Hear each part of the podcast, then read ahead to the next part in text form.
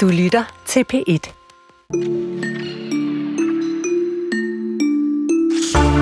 Der er få filmfestivaler så øh, storby lækre og kontroversielle som Berlinalen. Og vanen tro er der allerede inden filmfestivalen i Berlin begynder nu på torsdag opstået politisk furore og ballade.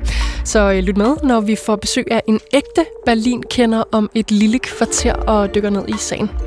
Vi danskere er jo kendt for hygge, lykke og nu også onani. I hvert fald er vi pjattet med vibrator og sexlegetøj, og er førende i Europa, når det handler om antal stykker legetøj per dansker. Jeg tænker, at 1970'ernes seksologer ville juble over, at vi nu er nået så langt i vores frisind og legelyst. Vi ser på den store danske onani-historie, det til sidst i den time. Og hvis du er til Truman Capote og fortællinger om magt og skønhed og ulykkelig kærlighed, så har vi også noget for dig i den her time, der øh, stadig prøver at blive bestyret af Jesper Dein og Linnea Albinus Linde. Uh, jeg kan næsten ikke sige mit eget navn, så snottet er jeg. Det var forsøgt, for, forsøgt bestyret. ja. Nå, Øh, vi skal et helt andet sted hen nu. Vi starter øh, med folketingsmedlem og tidligere medlem af Moderaterne, Mike Fonseca, har jo fået endnu en tur igennem meningsmoralmaskineriet, da han i sidste uge skrev kronik i Altinget om forholdet til sin 15-årige kæreste.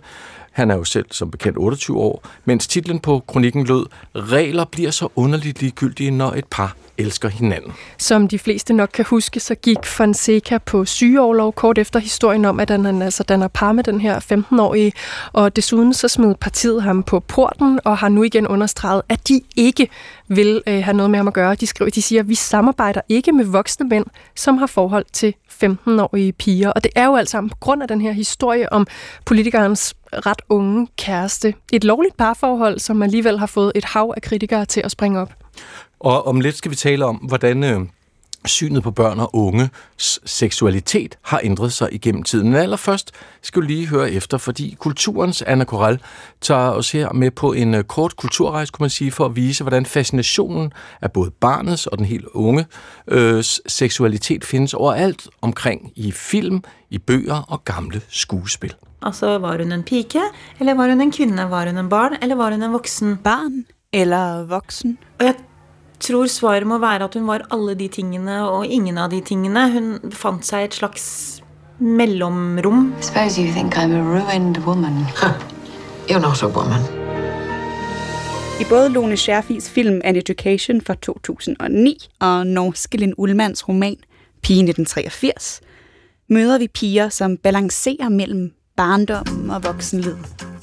Det er ellers et populært motiv i kunsthistorien, altså den ældre mands begær efter en ung piges krop. Fascinationen er den helt ungdomlige, hvis ikke barnagtige seksualitet gennemsyrer vores kunst, vores kultur. Why then, O oh brawling love, O oh loving hate, O oh anything of nothing first create. Siger det ikke ret meget om os, at selve vores urkærlighedsfortælling, Romeo og Julie, Two blushing pilgrims ready stand. handler om kærligheden og begæret imellem en 13-årig pige og en teenage-dreng. But in my arms she was always Lolita. Romanen Lolita af amerikansk-russiske Vladimir Nabokov er nok det allermest kendte eksempel på seksualiseringen af barnet. Light of my life. Fire my loins. Lolita hun skrives frem som en ung forfører inde af en fortællerstemme, som bliver mindre og mindre troværdig, som romanen fortsætter. It's like the old man was thing synger. It's just like the old man in that book by Nabokov. Lad os vende tilbage til norske Lind Ullmann. I romanen Pige 1983 ser Lind Ullmann tilbage på et møde med en ældre fotograf, A, som indleder et seksuelt forhold til hende, da hun var blot 16 år gammel. Og det er måske der, vi ser et skifte i dag. Nu er vi interesseret i Lolitas egen fortælling. Why then, O oh brawling love, O oh loving hate, O oh anything of nothing first create. Heavy lightness, serious vanity, misshapen chaos of well-seeming forms. I me, sad hours seem long.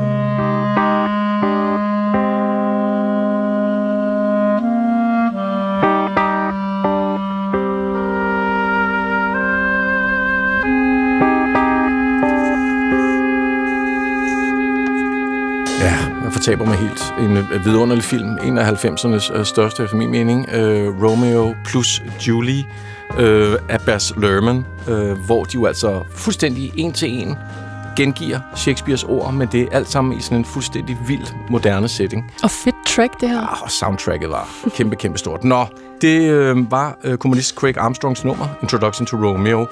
Foran os her øh, har nyt musikken også, og historien fra Anna Corell. Der står Else Marie Buklander. Hej Else Marie. Hej. Ph.D. ved Aarhus Universitet med speciale i børns seksualitet, for det er det, vi skal tale om nu. Øhm, du beskriver synet på børn og unges seksualitet gennem tiden som et pendul. Hmm. Jamen, det kunne vi da godt tænke os at få uddybet. Hvad mener du med det? Hvis man kigger på de sidste øh, 100 år, har man set en pendulering mellem mere frisindede øh, perioder og mere restriktive perioder, hvad angår synet på børn og unge seksualitet. For eksempel var der jo den seksuelle øh, revolution i 60'erne og 70'erne, hvor man pludselig så synspunkter så som, at børns seksualitet skulle udfolde sig, blandt andet også ved hjælp af, af voksnes øh, øh, interageren. Øh, I dag har vi et meget mere restriktivt forhold til børns seksualitet, men i forhold til unge er det et ret liber- liberalt øh, syn, vi har i, i Danmark i forhold til andre steder i verden. Så, øh, men igen, hvis vi prøver at se på, på, på perioden her, det sidste, det sidste øh, 100 år, så har der været en generel bestræbelse på at adskille barndom og det voksne liv hvad angår øh, seksualitet. Øh, helt tilbage til før 1866 havde vi jo slet ikke nogen seksuel lavalder i Danmark. Det fik vi så i 1866, men den var på 12 år. Øh, så i 1930 får vi en øh, hævelse af den seksuelle lavalder til 15 år. Øh, vi får også drenge ind i loven. Før var det kun piger, der havde en seksuel lavalder. Øh, og vi får også den her øh, lovgivning omkring, at at den seksuelle lavalder er 18, hvis der taler om en relation til en myndighed, såsom lærer eller, mm. eller stedforældre. Øh, og det er stadig den øh, lovgivning, vi har i dag. Og så op gennem øh, århundredet ser man også både i menneskerettighederne øh, fra 48 og børnekonventioner, altså den her bestræbelse på at beskrive barndommen som noget væsensforskelligt fra det voksne liv. Altså en periode, hvor barnet ikke er mentalt og fysisk moden på samme måde som den voksne, hvorfor vi skal beskytte barnet og barndommen. Øhm, og, og, og det er meget det syn, vi har i dag, altså en, en adskillelse øh, af det. Øhm, og tidligere så man også i, i loven af 1866, at hvis der var et ulovligt forhold, så delte man skylden mellem øh, det barn eller unge, som det var gået ud over, og den voksne. Det falder bort i loven fra, fra 1930, hvor skylden forsvinder for, for barnets vedkommende. Så det er igen også den her, øh, den her øh, udvikling, vi har set gennem øh, de, de sidste 100 år, hvor barnet øh, ligesom er blevet barn, mm. uskyldigt, mm. og derfor i sådanne sager et offer mm. øh, på en anden måde, end det var tidligere. Hvorfor er lige præcis seksualmoral i forhold til børn noget, der ændrer sig så meget, som, som, som du beskriver her, at det netop, netop sådan pendulerer mellem rigtigt og forkert nærmest? Øh, jamen altså, seksuel moral følger jo den generelle udvikling øh, i samfundet, øh, og, øh, og der har der generelt været øh, den her øh, barndom, der er kommet til syne, kan man sige. Fordi tidligere havde man jo ikke på samme måde, så man jo barnet som små voksne. Så det er jo en, en ny definition af barndommen, vi har i, i, i moderne tid. Øh, og man kan også se det i de sidste, øh, siden, siden 80'erne, øh, kan man også se, hvordan barndom er blevet omgivet af øh, en masse frygt. Altså der er opstået en frygtkultur omkring barndommen. Øh, netop fordi barnet pludselig er blevet noget, vi skal beskytte mm. øh, imod en række farer på en helt anden måde, øh, end man så på det tidligere. Hmm. Øhm. Så der var ikke de her, den her diskussion om magtpositioner, at jeg som voksen mand skal have indsigt til at holde øh, mig fra barnet? Altså dengang var barnet også skyldig i, i overgreb, eller hvad? Det, det, altså i, i loven fra 1866, så står det decideret, at øh, hvis der er et ulovligt forhold, så er der også en straf til barnet. Så skal barnet øh, have noget, noget, husgærninger, og jeg kan ikke huske de præcise straffe. Fordi man regner med, at barnet selv havde lagt op til det, eller hvordan? Øh, eller fik folk ja, til at... altså øh, igen, hvis man ser på synet på barnet tidligere, så var der sådan, så er det også gået sådan i pendulfart mellem at se på børn som aseksuelle, uskyldige væsener, men også som nogen, der kunne friste kristne. Hmm. Øh, der har ligesom været den her dualisme i historien, og det er også noget af det, der forsvinder her inden for de seneste øh, årtier, og også om, op gennem sidste århundrede, blandt andet i kraft af lovgivningen, der jo slår fast, at barnet er ikke skyldigt. Øh, at, at det sådan ser vi ikke længere på det. Altså i sager i dag er barnet øh, et offer, fordi netop man har markeret, barndommen som væsentligt forskelligt. Mm. De, de er ikke øh, på samme måde bevidste om og modne i forhold til at afveje, hvad de vil indgå i, og derfor kan de ikke drages til ansvar øh, for noget. Men apropos øh, eksempler fra historien, så er der, som vi hørte i, øh, i det her lille bånd her, også eksempler fra kulturhistorien på, hvordan øh, skildringer af børn og unge i både ja, kunst og litteratur og film, alt fra Shakespeares Julie til, øh, til Nabokovs Lolita, hvordan de øh, har en eller anden seksuel karakter i, som man kan øh, fortolke, som man vil, og som fortolkningen nok også ændrer sig af, afhængig af hvilken tid man læser den i, eller ser det ja. i. Men hvorfor i det hele taget beskæftige sig så meget med, med kunst, der også fokuserer på den her sådan helt spæde seksualitet, tror du? Jamen, det er jo klart, altså... Øh der er jo noget, hvad skal man sige, øh, livskraftigt ved børn, og der er jo noget dragende ved ungdom. Altså ungdom er jo i den grad noget, som man er fixeret på, også i moderne kultur. Øh, der er jo en forherligelse af ungdommen, så, og, og, og altså af mange forskellige grunde, men også af gode grunde. Der er jo noget, noget fantastisk og, og, og ved, ved ungdommen. Øh, men også her har man jo set en markant udvikling, øh, fordi i dag er det jo øh, øh, meget, meget øh, farligt at afbillede børn. Øh, det har jeg også beskæftiget mig med i min forskning, hvordan man ikke længere kan vise børn øh, billeder af nøgne børn. Øh, det er ikke noget, man ser i, i dagspressen eller, eller, eller steder mere. Øh, så, så der er også gået, jeg har også talt med museumsdirektører, der har måttet flytte billeder fra deres kontorer, fordi man pludselig så skævt til dem, fordi de havde et, et billede, som tidligere var var øh, agtet som et, et fint kunstværk, men som pludselig ses i dag med andre øjne, fordi det viser øh, nøgne børn. Og du har sager i USA, hvor man har måttet tage billeder ned fra, fra museer og så videre. Ja. Mm. Så der er også sket en markant udvikling der. Mm. Øh. Og samtidig så er der jo altså masser af sex i musik og på film, og sex bliver pakket ind på, på nye æstetiske safe space-lignende måder, kunne man sige, i virksomheder, som for eksempel Klub Venus og Peach, der sælger det her sexlegetøj, som vi startede med at fortælle, at danskerne er rigtig glade for. Det gør de på en meget lidt vulgær måde. Det er meget æstetisk, sådan helt japansk øh, og meget smukt, øhm, og laver sjove memes osv. på Instagram. Så sex er også omkring os i, i kulturprodukter. Øh, hvad er dit bud på, hvordan synet på børn i den ligning kommer til at udvikle sig? Men øh, jeg synes, det er meget vigtigt at, tage, at sige, at man kan ikke tale om én seksuel moral, fordi vi har en seksuel moral, som er meget, hvad skal man sige, øh, øh polariseret egentlig, modsætningsfyldt. Altså, vi kan have øh, den her, øh, som du fortæller om her, meget frie holdning til sexlegetøj, svingerklubber, øh, alt muligt. Mm. Men lige når det angår børn, øh, så er der altså noget, som, som sker her, øh, og som er sket inden siden 80'erne, hvor man har fået enormt meget fokus på seksuel overgreb på børn, øh, og hvor enhver ligesom seksualitet, øh, som på nogen som helst måde øh, involverer et barn og en voksen, læses i denne her pædofile optik. Også selvom der ikke er tale om pædofil forhold, så er den pædofile blevet øh, en, en meget markant figur i vestlig kultur, øh, og det er de associationer, man med det samme får, øh, så snart der er et eller andet, øh, hvor voksne og børn øh, blandes sammen. Øh, så, så på den måde, så, så er der ligesom en særstatus hvor vi omkring barnets krop og så videre ser en meget markant disciplinering af voksnes adfærd.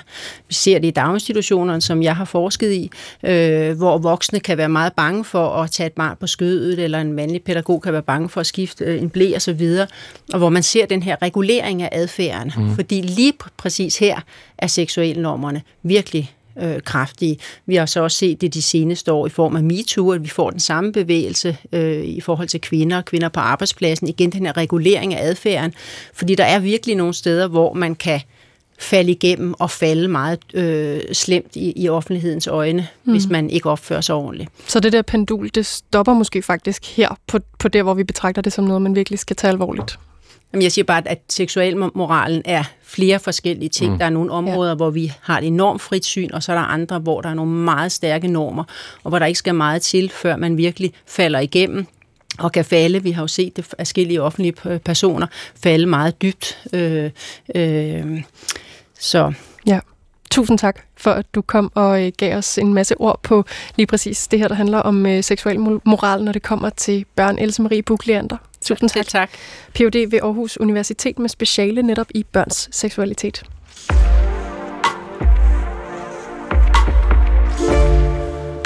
Det Danske Filminstitut har en meget, meget fin liste over spillefilmsfestivaler, eller festivaler i det hele taget, som de sådan prioriterer i verden, og jeg tænkte, den vil jeg da lige kigge på, for der kunne der ikke være så mange. Så læste jeg den igennem, og der er over 100 festivaler på sådan et år, der koncentrerer sig om spillefilm.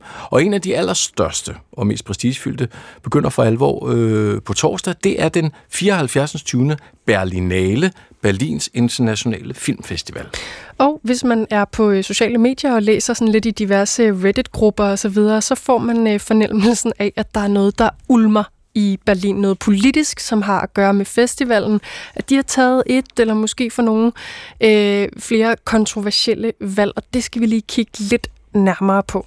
Og det skal vi sammen med en kvinde, der i den grad kender Berlin, efter at have boet der de sidste 19 år, og som har fulgt Berlinalen gennem årene for blandt andet øh, information. Hun er kendt med i dansk, italiensk og teaterhistorie, og er tilbage i Danmark som journalist og forfatter, og står nu her i studiet. Henriette Heis, velkommen til dig, Henriette. Tak skal du have. Før vi kaster os over øh, den der aktuelle, kontroversielle krog, kan man da roligt sige, så placer lige Øh, vi taler jo om, om, om Cannes, og vi taler om Venedig. Hvor er Berlinalen? Hvor, hvordan adskiller den sig fra de to, for eksempel?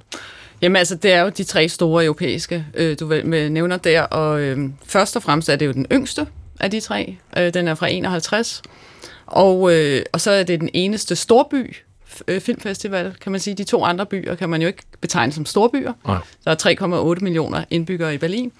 Og så er det en, øh, en festival, der er øh, politisk. Altså den er på den måde, den har ofte stillet sig op og vist film for de udstødte, de øh, forfulgte, de undertrykte, øh, dem med en anden seksualitet osv. Så, videre. så på den måde er Berlinalen øh, noget helt særligt. Så det matcher meget godt, sådan som vi egentlig går og har det med Berlin, også når vi er på ferie dernede. At den, den er lidt rowdy, den er ikke bange for noget.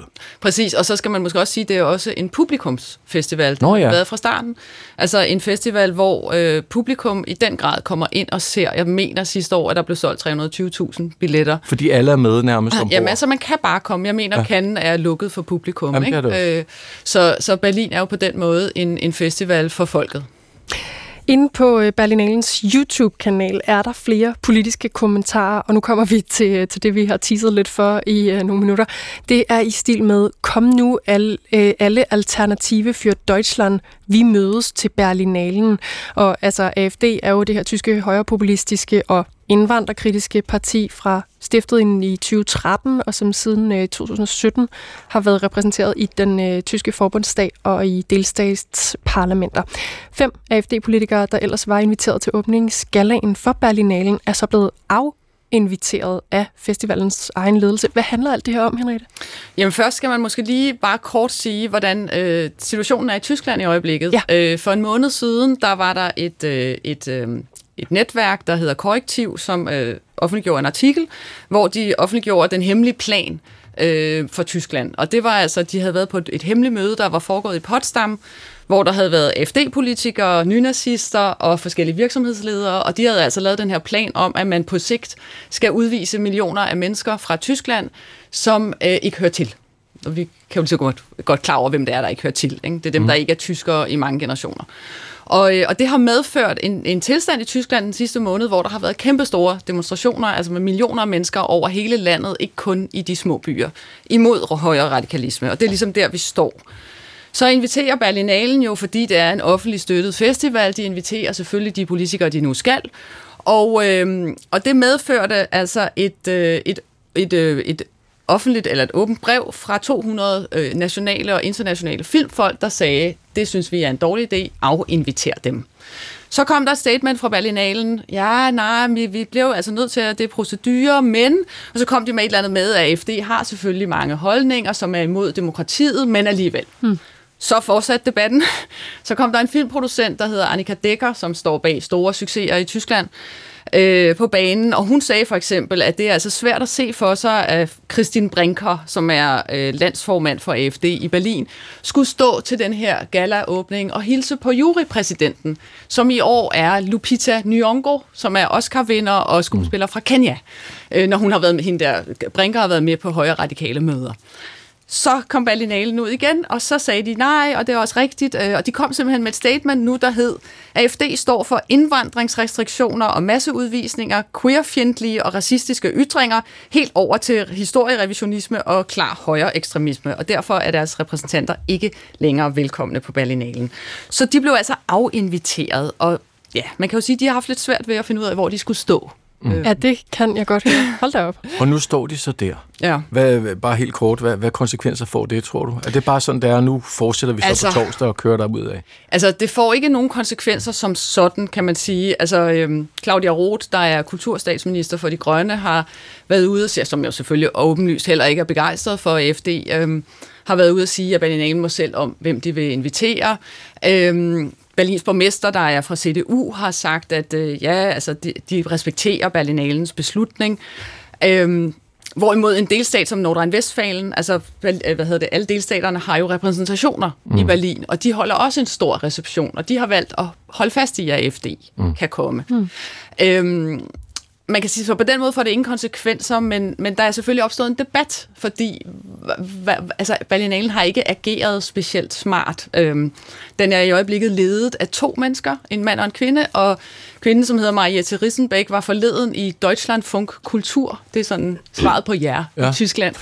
øh, og der fik hun sagt, altså hun fik lov at snakke udenom i 12 minutter, og så fik hun så til sidst sagt, øh, hvilket ikke var så heldigt måske, at agere politisk som festival, netop i tider, hvor man ikke ved, hvor politikken bevæger sig hen, er også en stor fare. Og det er jo ekstremt vagt og holdningsløst, og sådan, vi skal lige se, hvilken vej vinden Mm. blæser, fordi hvis nu AFD får magten, så skal vi jo gerne være gode venner med dem, og der kan jeg nok sige, at jeg tror, at de trækker stikket til, til Berlinalen, uanset hvad. Ja. Øhm, så skulle det ske. Men, men øh, ja, så man kan sige, at man står i en situation, hvor Berlinalen har, de prøver lidt at sidde på alle stole, og, og folk er ikke imponeret. Men har jo så alligevel afinviteret de her Præcis. AFD-politikere. Ved vi noget om, hvordan de AFD'erne har reageret på det? Ja, men de siger jo så, at det er for galt selvfølgelig, og øh, altså, de får jo selvfølgelig det her med, at det er en statsstøttet, og de er jo demokratisk valgt, og det må man jo også bare sige, og der har jo også været folk ude, der har sagt, som bestemt ikke sympatiserer med AFD, men som har sagt, måske havde det bare været smartere at lade dem blive, så får de mindre opmærksomhed. Og der kan man jo se på en sag, der var i 2019 faktisk, fordi det er ikke første gang, man ikke helt ved, hvordan man skal omgås AFD på Berlinalen. Øhm, den leder, der var før, var Dieter Koslik, som vi måske kan komme ind på øh, lidt senere. Øh, og han, øh, han var en stor leder af festivalen i rigtig mange år, og han valgte lige sidste øjeblik, øh, inden den gik i gang, at tage en kortfilm med på festivalen, som handlede om de hemmelige arkiver i Warszawas ghetto. Mm-hmm. Øh, altså den, en, en, et øh, undergrund, en undergrundsarkiv, øh, som opstod i 41, hvor man skulle dokumentere, hvad der skete med jøderne, altså hvordan de levede i ghettoen, og hvordan de blev myrdet. Og så inviterede han alle partilederne, og så øh, valgte AFD jo ikke at komme. Og der kan man sige, det er jo bedre at inkludere dem, og så får de selv lov at udstille deres holdninger. Ja. Forstår I, hvad jeg mener? Ja, ja, ja. Jeg tænker, nu taler vi om det her med den, den, den, den frække filmfestival. Mm. Dem, der tør noget. Jeg vil lige spille et klip, fordi øh, Iran, øh, det diskuterer vi jo rigtig meget, men der er Berlin ikke, det er de ikke så bange for. Vi hørte lige et klip fra en film, der hedder Nada og Simin. Der var du nede også og dække den for information, tror jeg det var. A Separation hed filmen. Den vandt Guldbjørnen i 2011, og var, øh, jeg blev, blev anmeldt virkelig, virkelig godt. Lad os lige høre et klip. Vi forstår ikke noget, men vi forstår alligevel hensigten.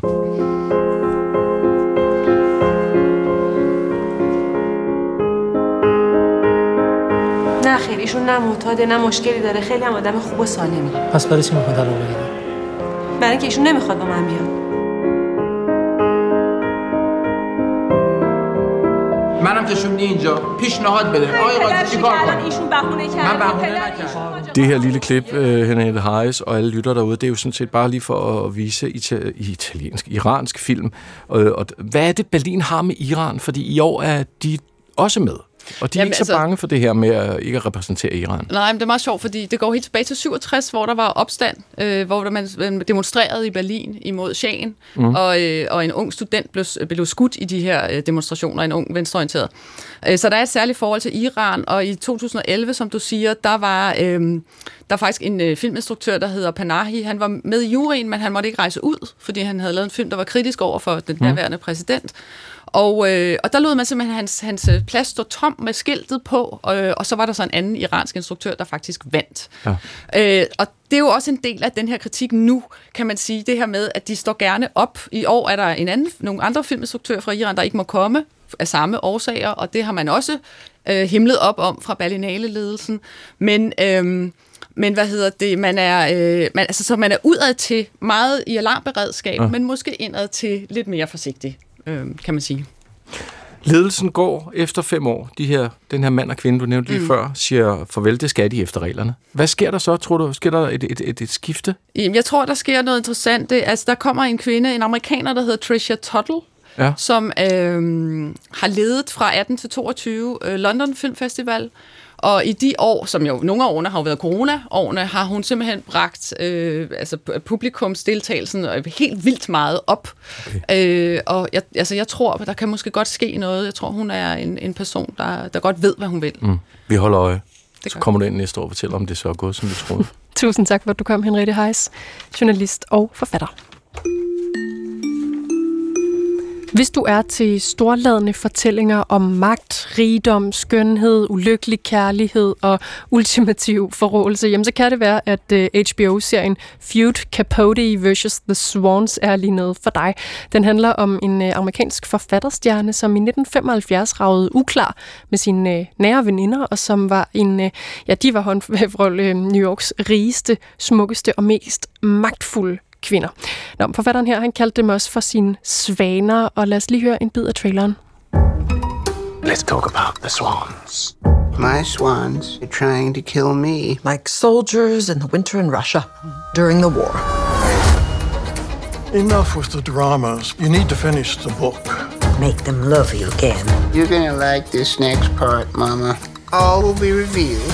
I'm not the one who told him everything. Of course I told him.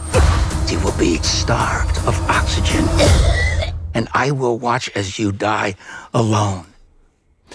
Truman Capote, forfatteren, afsløret i uh, La Cote Basque 1965. Uh, øh, øh, det, et uddrag af hans ufærdige roman Answered Prayers, hvor han skrev om alt det, som de her mennesker havde sladret om under deres ofte ret våde frokoster på restauranten, der netop hedder Le Cote Basque. Den ligger på Manhattan i New York.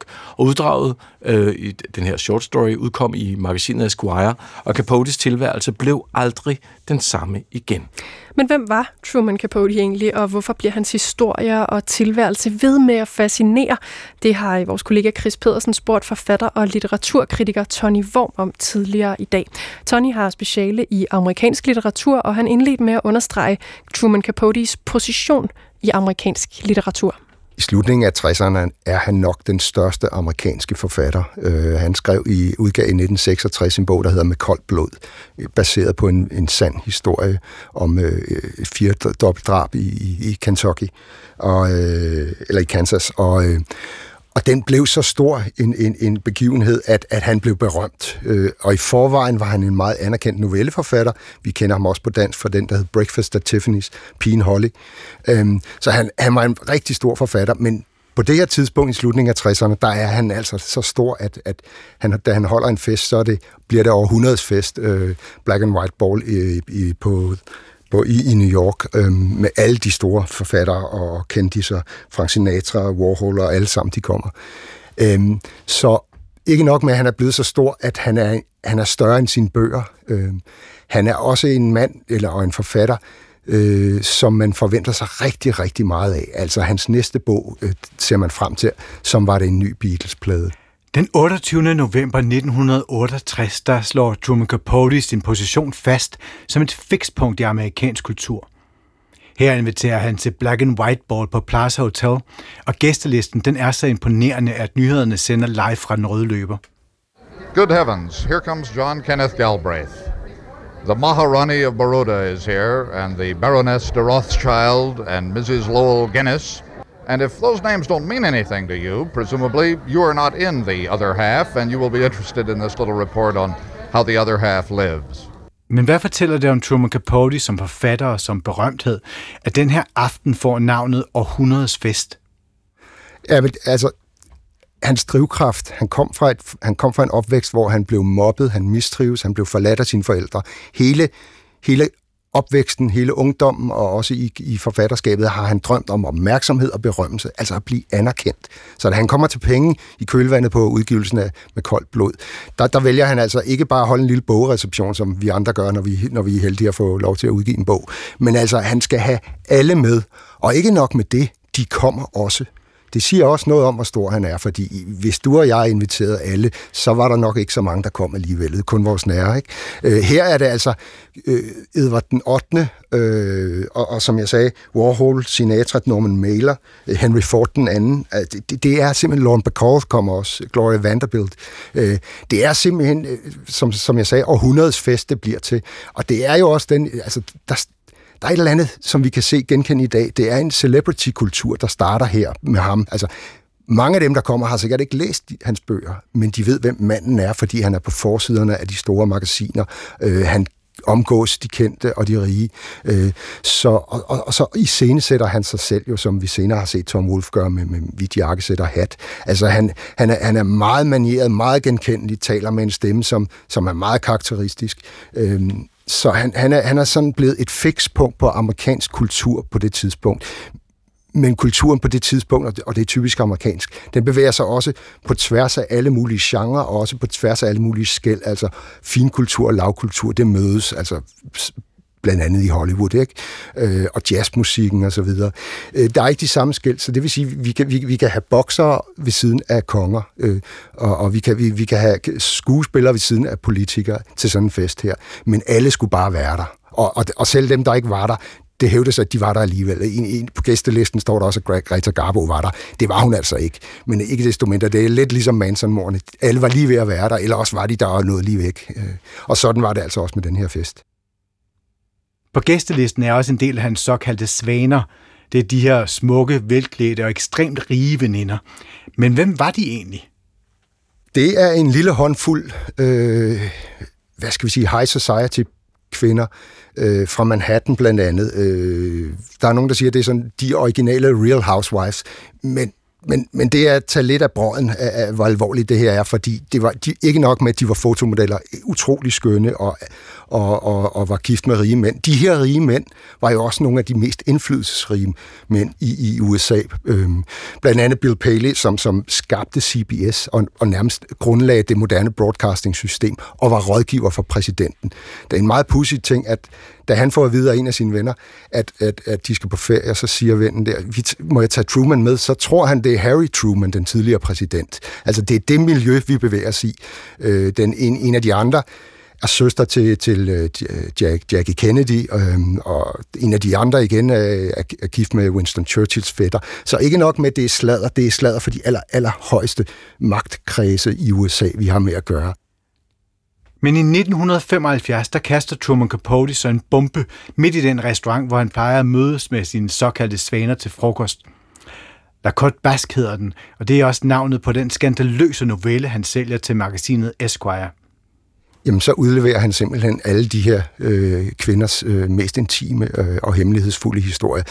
La Côte Basque er en restaurant på Manhattan, hvor de allerede fra starten af 60'erne mødtes, øh, nogle gange alle sammen, og nogle gange to eller tre styks ad gangen, og, og sladrede om hinanden, og in, inspirerede hinanden, og havde det godt i hinandens selskab. De var meget nære venner. Øh, men med øh, Lacotte Bask, Basque, så øh, fortæller han simpelthen øh, de, de, de, de mest øh, øh, intime historier om dem. Øh, hvordan Bill Paley, som jeg sagde før, havde været sin kone utro med New York-guvernørens kone. Hvordan en af dem, der var blevet frikendt for mordet på sin mand, fordi hun, hun troede, at han var indbrudstyv. Hvordan hun egentlig dræbte ham med, med fuldt overlæg. Og, og hvordan en anden af de her svaner, øh, som, som teenager var blevet voldtaget af Joe, Joe Kennedy. Det er jo ting, de har siddet og talt om i, i, i et lukket privat selskab. Det vælger han simpelthen at, at, at, at fortælle i, i det, der skal blive hans roman. Den bliver aldrig færdig. Øh, han dør inden da. Øh, men altså, i den her novelle, La Côte Basque, Over en million eksemplarer af Esquire lander i USA's bladkiosker, og svanerne, de reagerer øjeblikkeligt at de udstøder ham. De, de, bliver, de, de, bliver jo simpelthen forarvet, de bliver såret. Øh, en af dem, øh, som ikke er i, i det tætteste selskab, hende jeg fortalte om, som havde, som havde skudt sin mand, men var blevet frikendt, øh, hun dør altså, hun, hun begår selvmord tre dage inden, og rygterne fortæller, at hun har fået, hvad der, hvad der, hvad der hedder, altså sådan en forkopi af, af denne her historie, og måske gør det, fordi hun er bange for at blive udleveret som, som morder. Og lad os lige høre, hvordan konfrontationen mellem Anne Woodward og Truman Capote lyder i tv-serien Feud, hvor de er spillet af Demi Moore og Tom Hollander. Just tell me why. Dude, let, let, let me go, Slim. No, he's, he's, I mean, it's, it's torture. I hear it everywhere. I don't even know how you can be sitting here with him. Just tell me why, Truman. Well, you know, I liked you once. I liked you quite a bit. But then I heard behind my back you called me a fag. So I thought I'd be a fag. Det, det ryster dem virkelig, og de fleste af dem nægter at tale med ham mere overhovedet. Øh, han bliver simpelthen udstødt af den her kreds, som ellers er den kreds, han har stræbt efter hele livet igennem. Sagen er bare, at han vidste nok ikke, hvad han gjorde. Øh, det, det, er der, det er der meget, der tyder på. Han ringede til dem bagefter og kunne ikke forstå, hvorfor de ikke ville snakke med, med ham og, og så videre. Prøvede at, og, og da en af dem siger, at han ikke har, altså Bill Paley der siger, at han ikke har læst det, det her Esquire, så siger Truman Capote, jamen jeg skal nok få en til at sende det til dig. Og det er altså den historie, hvor som afslører ham som værende utro over for sin kone, som Truman Capote vil sikre sig, at fyren der har læst. Han har ikke vidst, hvad han selv lavede. Han var også i øvrigt så langt ude på stoffer og alkohol, at han, han, altså, at han nok ikke havde, han sansede ikke rigtigt, hvad der foregik omkring ham, tror jeg. Og på mange måder symboliserer den her udgivelse af La Côte Basque 1965 begyndelsen på enden for Truman Capotes karriere og hans anerkendelse – kun tre år efter dukker han op i talkshowet Stanley Siegel, tydeligt beruset. Det lyder sådan her. Can I ask you some serious questions? Sure, you can go right in. I'm, right. I feel perfectly Have you been fine. drinking?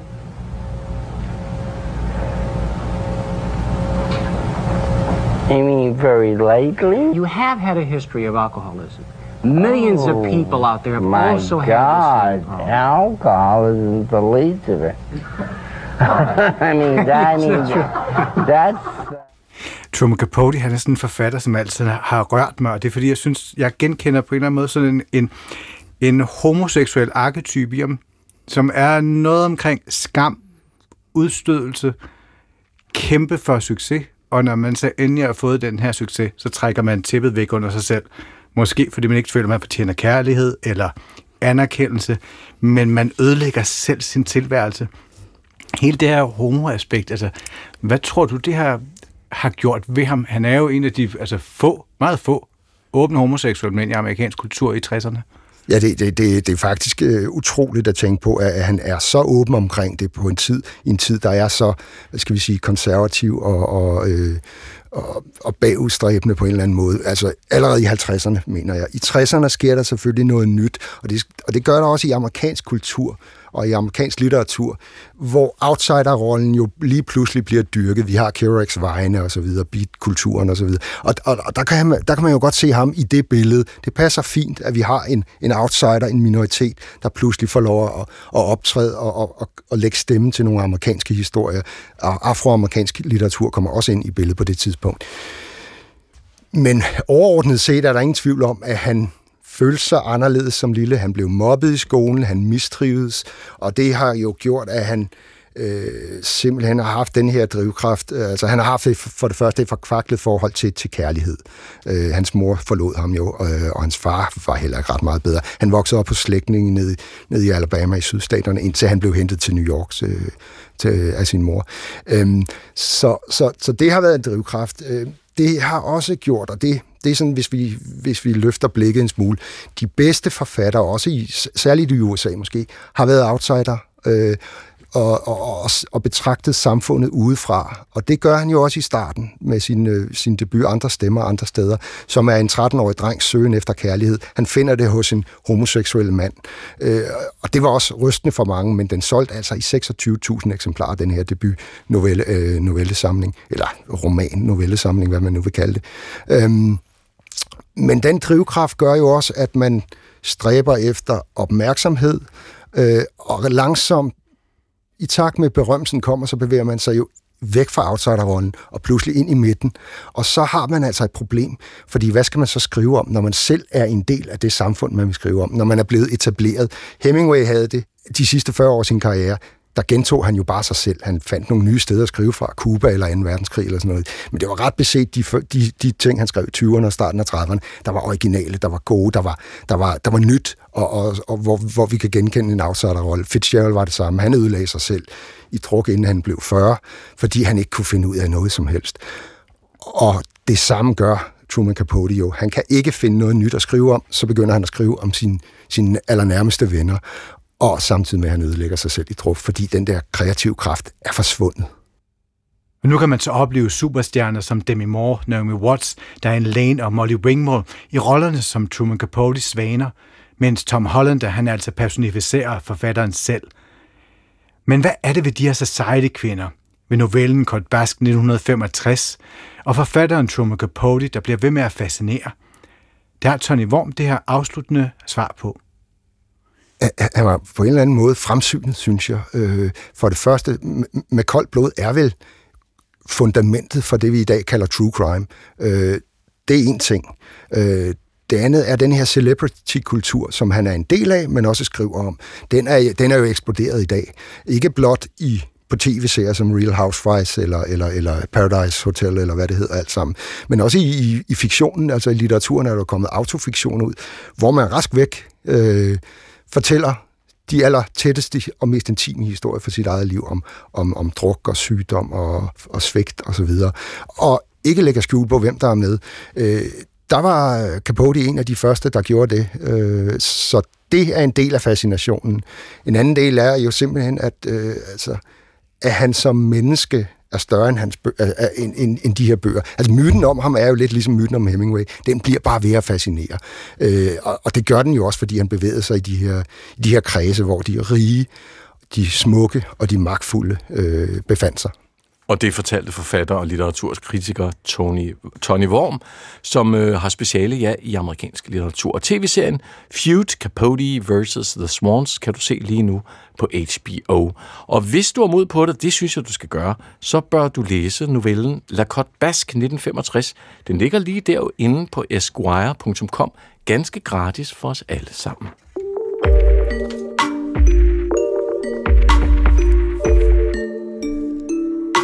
Dildoer, klitorisvibratorer og øh, buttplugs, danskernes sengeskuffer, buner af sexlegetøj. En ny undersøgelse, som Københavns Universitet har lavet på baggrund af besvarelser fra knap 12.000 deltagere, den viser, at danskerne er dem med mest sexlegetøj i de lande, de har undersøgt, og det er Danmark, Norge, Sverige, Finland, Frankrig og Storbritannien. Gert Martin Hall, ja, ham for gift ved første blik, professor ved Institut for Folkesundhedsvidenskab på Københavns Universitet, var en del af holdet bag den her undersøgelse. Og til P1 Morgen øh, i fredags, der fortalte han om, hvordan danskerne for eksempel ifølge undersøgelsen blandt andet viser, at danskeren i gennemsnit ejer fem stykker sexlegetøj, det tror jeg, vi har sagt. Så det må være nogle rummelige natbordskuffer, der står derhjemme. I hvert fald siger Gert Martin Hall sådan her. Det kan gå hurtigt hvis man for eksempel har en, et, et par dildoer, en vibrator, nogle, nogle håndjern og en penisring, altså så er du oppe på, på fem styk. Øhm, så, så på den måde så, så vi selvfølgelig, at der var variation mellem, mellem mennesker. Der var nogen, der havde rigtig meget, og nogen, der havde lidt, uh, lidt mindre. Men i og med, at, uh, at over omkring 60 procent af, af danskerne, de, de faktisk ejer eller har ejet et, uh, et sexlegetøj, uh, så tænker jeg også, som, uh, som alder og parforhold, det ligesom uh, udvikler sig, så, så kan der måske også komme uh, mere ind øh, af sexlegetøj, og, øh, og det er ikke sikkert, at man nødvendigvis smider det ud, man har haft. Så, mm. så, så ryger vi altså hurtigt deroppe omkring. Men hvordan forklarer du, at vi har så meget? Kan vi ikke finde ud af det uden? Jo, jeg tror ikke så meget, det er et spørgsmål om at finde ud af det, eller en, øh, en konkurrence. Øh, man kan sige, at, at, at trenden inden for, for seksualitet generelt øh, også er gået mod, at det er blevet mere afstigmatiseret og for eksempel inddrage sexlegetøj. Og så fandt de jo altså også ud af, udover at øh, vi er mere frisindede åbenbart, og vi øh, har nemmere ved at introducere det her parforholdet, at det faktisk også gør noget godt for vores parforhold. Ja, det vi fandt, det var, at det at, at bruge øh, seksuel øh, legetøj, det, var, øh, det havde en sammenhæng med øget øh, seksuel øh, tilfredshed, tilfredshed i parforholdet og også livsglæde øh, generelt. Sådan sagde han altså Gert Martin Hall, professor ved Institut for Fol- folkesundhedsvidenskab, og altså en del af holdet bag undersøgelsen af europæiske landes forhold til sexlegetøjet. Og i øvrigt, hvis du sidder og tænker, hvor ligger franskmændene på det her? For jeg tænkte, de var der havde også godt gang i batterier. Halløj.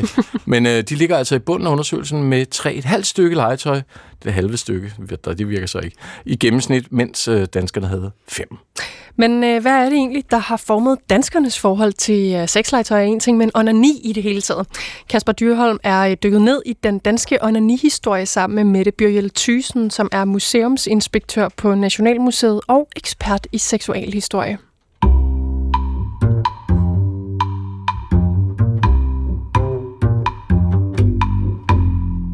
Masturbation, selvstimulering, at trille ært eller at straffe aben. Kært barn har mange navne, og det samme har onani. Og onani er noget, der begejstrer det danske folk. Danskerne har øh, sådan lidt en generel opfattelse af, at vi er sådan et øh, rigtig frigjort og frisindet øh, folkefærd, øh, også når det gælder onani. Og øh, det skyldes jo altså også, at vi rigtig godt kan lide at tale om. Vi var det første land i hele verden til at frigive billedpornografien i 1969. Og det gør faktisk også, at vi øh, måske går rundt og har et selvbillede af, at vi er sådan et folkefærd, der øh, ikke har nogen problemer overhovedet med at tale om øh, onani.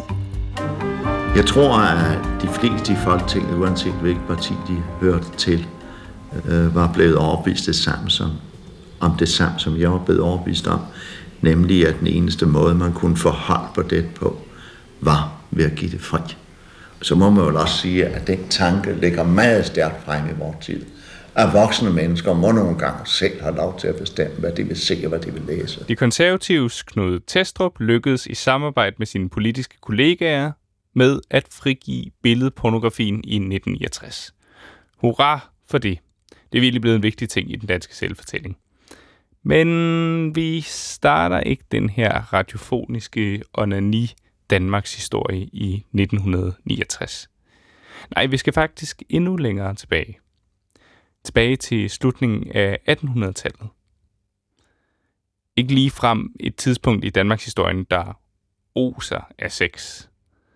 Kirken den fylder en del, og der er det med kirken, at de ikke er så vilde med det der med lige at stikke sin hånd ned i bukserne. Noget af det, man ikke kan lide i øh, Bibelen, det er jo det her med, at man kan spille sin sæd ved onani. Og det skal man helst ikke. Altså man skal reproducere, man skal få nogle børn.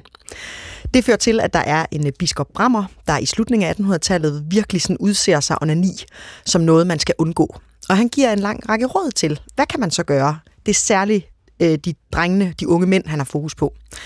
Og en af de anbefalinger, han har, det er blandt andet, at man skal sørge for, at der er åbne skolepulte, altså sådan, at øh, læreren ligesom kan se, hvis der er en dreng, der sidder med hånden nede i bukserne og sidder og piller. Han foreslår også sådan noget som, at man skal have øh, skoletoiletter ude i gården, hvor der ikke er tag på, så man kan se, hvad der sker ude på de her skoletoiletter. Kolde afvaskninger skulle også være rigtig godt. Og så et lidt øh, måske overraskende element er, at han siger, at sløjtarbejde virkelig også har en rigtig god effekt. Hvorfor? det her med at holde, det? Jamen det her med at holde hænderne beskæftiget, så øh, gør det jo måske også, at øh, tankerne er måske fokuseret på et produkt, og at hænderne vandrer ikke andre steder hen. Så sløjtarbejde skulle altså også være en af anbefalingerne. Men netop det her med onani, det har man jo set som en måde, hvor noget var ekstremt upassende. Der er også eksempler. Blandt andet er der en øh, læge i Danmark, der hedder Frans Hovitz, som øh, lige lidt senere end, end biskop Brammer, men faktisk går ud og siger, at hvis øh, man ikke kan få unge piger til at holde op med at onanere, og have, de skal have hænderne over dynerne, det tror jeg også, der er rigtig mange, der kan ikke genkende til, at man har fået at vide, at du skal sove med de der hænder oven på dynen. Der Hovitz her, han siger faktisk, at i yderste tilfælde, så kan man jo være nødt til faktisk at ætse unge pigers kønsdele, for at de ligesom ikke skal føle den samme nydelse ved at røre ved sig selv. Er det første gang, at kvindernes seksualitet ligesom kommer til offentlig debat på den måde? Det er i hvert fald en af de gange, hvor den helt klart sådan, øh, fylder mest. Og man kan også sige, jeg synes også, det har en vis øh, tyngde, fordi det kommer fra Hovits, og Hovits var Nordens første gynekolog og sådan meget øh, velanset øh, læge, så, så det der med, hans ord har jo også haft en vis tyngde. Du startede med at sige, at vi jo tit føler os ekstremt frigjorte i Danmark og taler åbent om onani og om sex. Ser du egentlig stadig, at det her kirkelige syn på at holde hænderne over dynen, altså har det stadig lidt rod i os i dag? Jeg tror, man er kommet øh, rigtig, rigtig langt. Altså i dag ser man jo også, at der bliver øh, udgivet børnebøger, for eksempel øh, om en øh, lænestol, der skulle være rar i forhold til, at man kan knuppe sig op af den. Øh, det er jo helt klart også et udtryk for, at vi er kommet meget, meget øh, længere. Jeg tror, der er en hel del forældre i Danmark i dag, der sådan øh, lidt øh, kæmper med, det her med ikke at gøre det sådan noget forbudt og noget forkert, men måske også samtidig finde en balance, hvor der er passende og upassende situationer. Og igen tror jeg rigtig mange måske også prøver sådan at sige, at onani skal stadigvæk være en privat ting, som børn også sådan skal holde for sig selv og gøre, når de er alene inde på deres værelse eller om aftenen, når de ligger og sover. Okay, tilbage til onanins Danmarks historie. Vi skal frem til udgivelsen af en bog. En rigtig stor, fed bog. Nu går vi så op til øh, starten af 1940'erne, hvor at øh, lægen Axel Tofte han så udgiver øh, bogen Seksualhygiejne. Det er en bog, der bliver, det er sådan en slags, øh, nærmest en kæmpe sådan leksikon. Altså der kan du slå op om alt omkring menstruation og sædafgang og sådan. Altså det, den, den er meget, øh, øh kan man sige, gennemgribende i sådan seksualitet. Øhm, og der går han faktisk ind her i, i 40'erne og siger, at onani i sig selv er ikke farligt.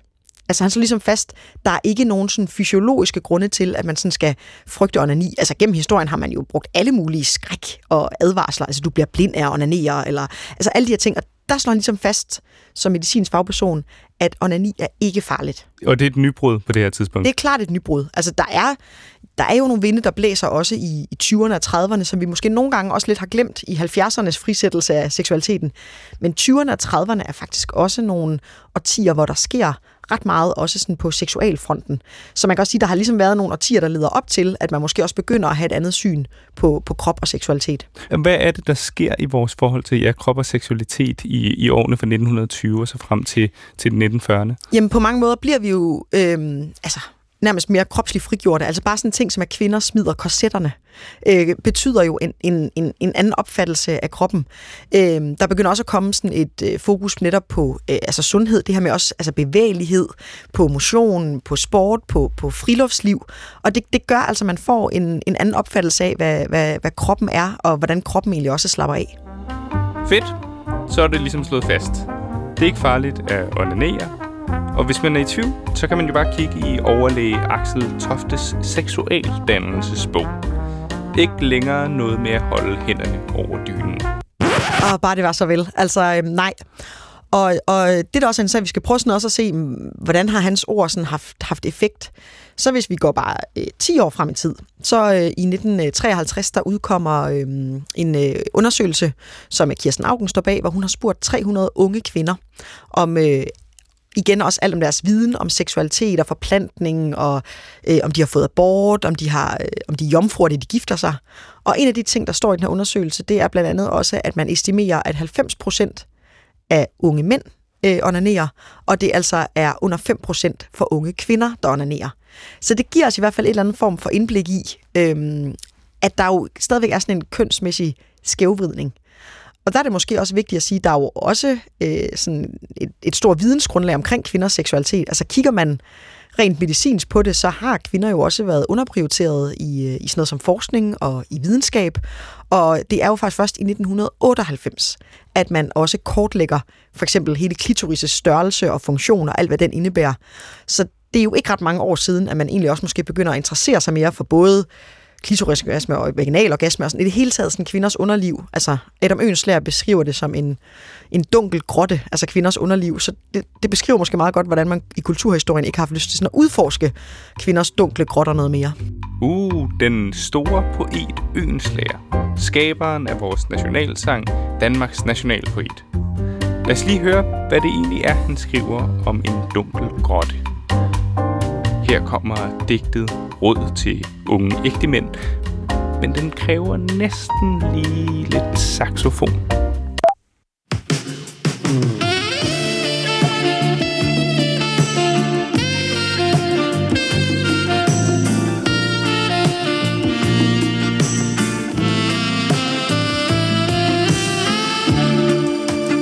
Stød scepteret ind, så langt det når.